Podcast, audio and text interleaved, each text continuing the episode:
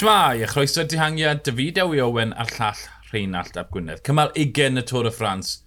Mi ddewn ni i drafod yr enillydd y podiwm, ond mae rai pethau'n bwysicach na ras feics. Tibo Pino, diolch yn fawr. Oedd e'n ddwrnod llawn rhamant, llawn angerdd, ond yn bwysicach, llawn colled, achos fi'n credu Rheinald, dyma'r diwedd perffaith i yrfa Tibo Pino ar y blaen yn ymladd yn cael mynd i'r man a ddoli na Cornel Tibo, ond bod yn methu yn y diwedd, achos dyna beth yw ei arfa fe. Mae wedi bod mor agos, ond jyst yn boddi'n agos y lan. Fi'n wir yn credu mae'n berffaith. Mae'n drist, ond dyna beth yw Tibo Pino.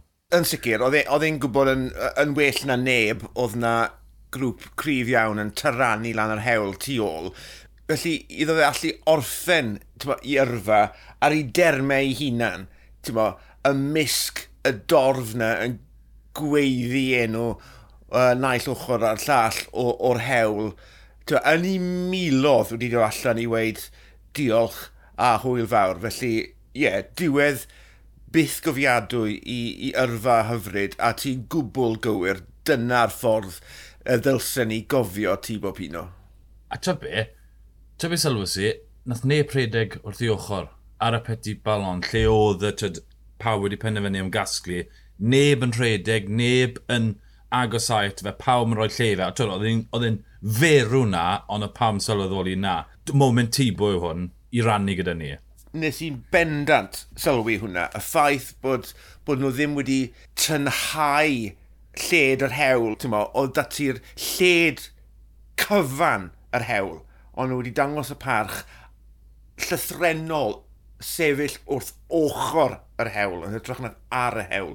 Felly, oedd hwnna yn neis iawn i weld. Ie. Yeah. Diolch ti bo, gobeithio wneud i fwynhau dy fywyd tawel yn y bryniau gyda'r deif. Mae yna ras, a'r ras yn cael ei ennill gan Tadei Pogacar. Na, nid y Tôr y Ffrans, fi'n gwybod sy'n ennill hwnna'n holl y gyfforddus, ond ennill cymal 20, twyd, wedodd e ar er dechrau dydd oedd e'n mynd amdano fe, a nath ei gyflawni, twyd, yn, yn neis i Tadeu Pogacar, e, ti'n lli gweld rhyddhad ar y wyneb e bod e heb gwmpo oddi ar y dibyn do, ond, ie, yeah, wel, oedd e mwy mwy na na, ond oedd e.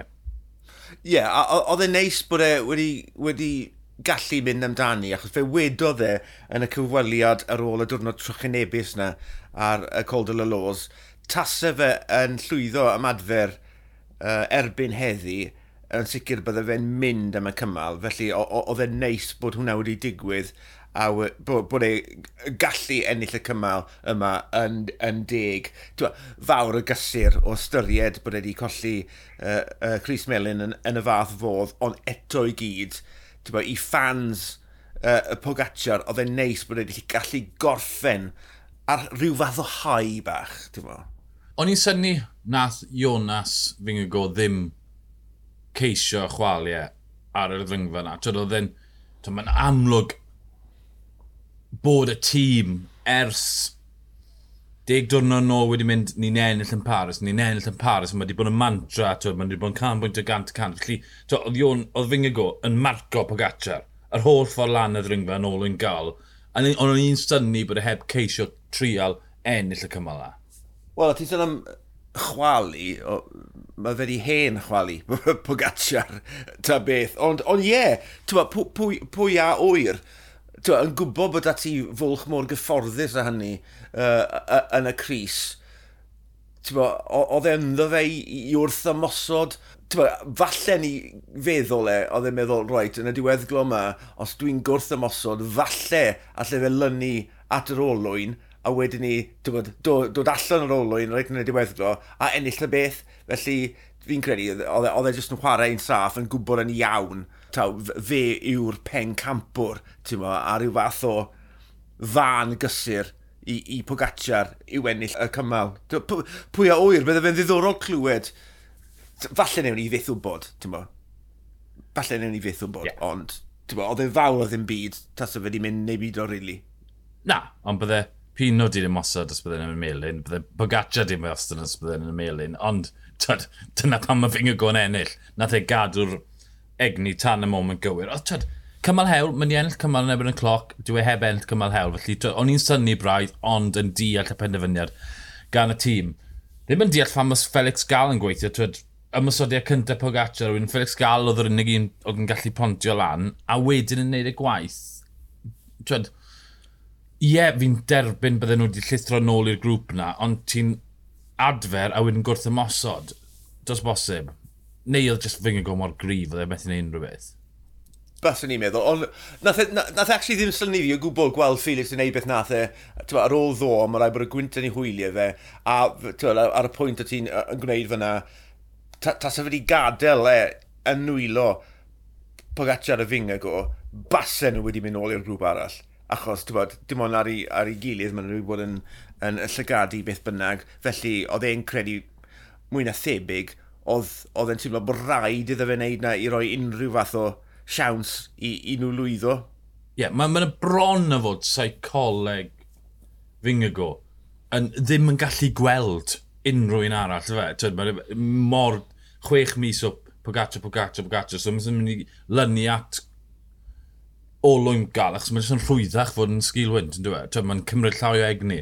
Ond ie, yeah, ie, yeah, sefyllfa gael ydi gael, ond mae wedi ennill cymal yn bara, felly dwi e ddim yn ddiwedd y byd. Er nad oedd newid yn y Cris Melin, mi oedd na newid bellach lawr yn y ddosbarthiad cyffredinol. A hynny oherwydd damwen i Carlos Rodriguez yn cwmpo'n wael yn gynnar yn y cymal, twedd gwad ar ei lygad e, ar ei foch e a to lawr i gorffau. E. A to, yn ddealladwy, Simon Yates yn cymryd mantes o hyn yn diflannu'r fyny'r hewl gyda'i frawdau e, ac yn dringo pumed i pedwerydd.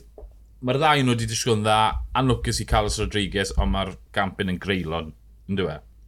Yn sicr, a tyma, gallai fe wedi bod yn wath, tyma, un safle yn unig nath Rodriguez uh, olli, felly mae dal wedi gorffen yn y pimp ucha.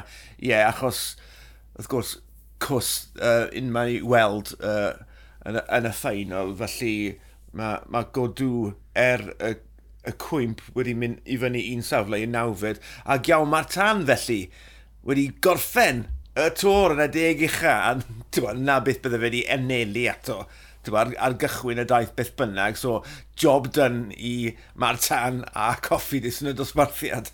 Ie, yeah, uh, ras i Coffidus.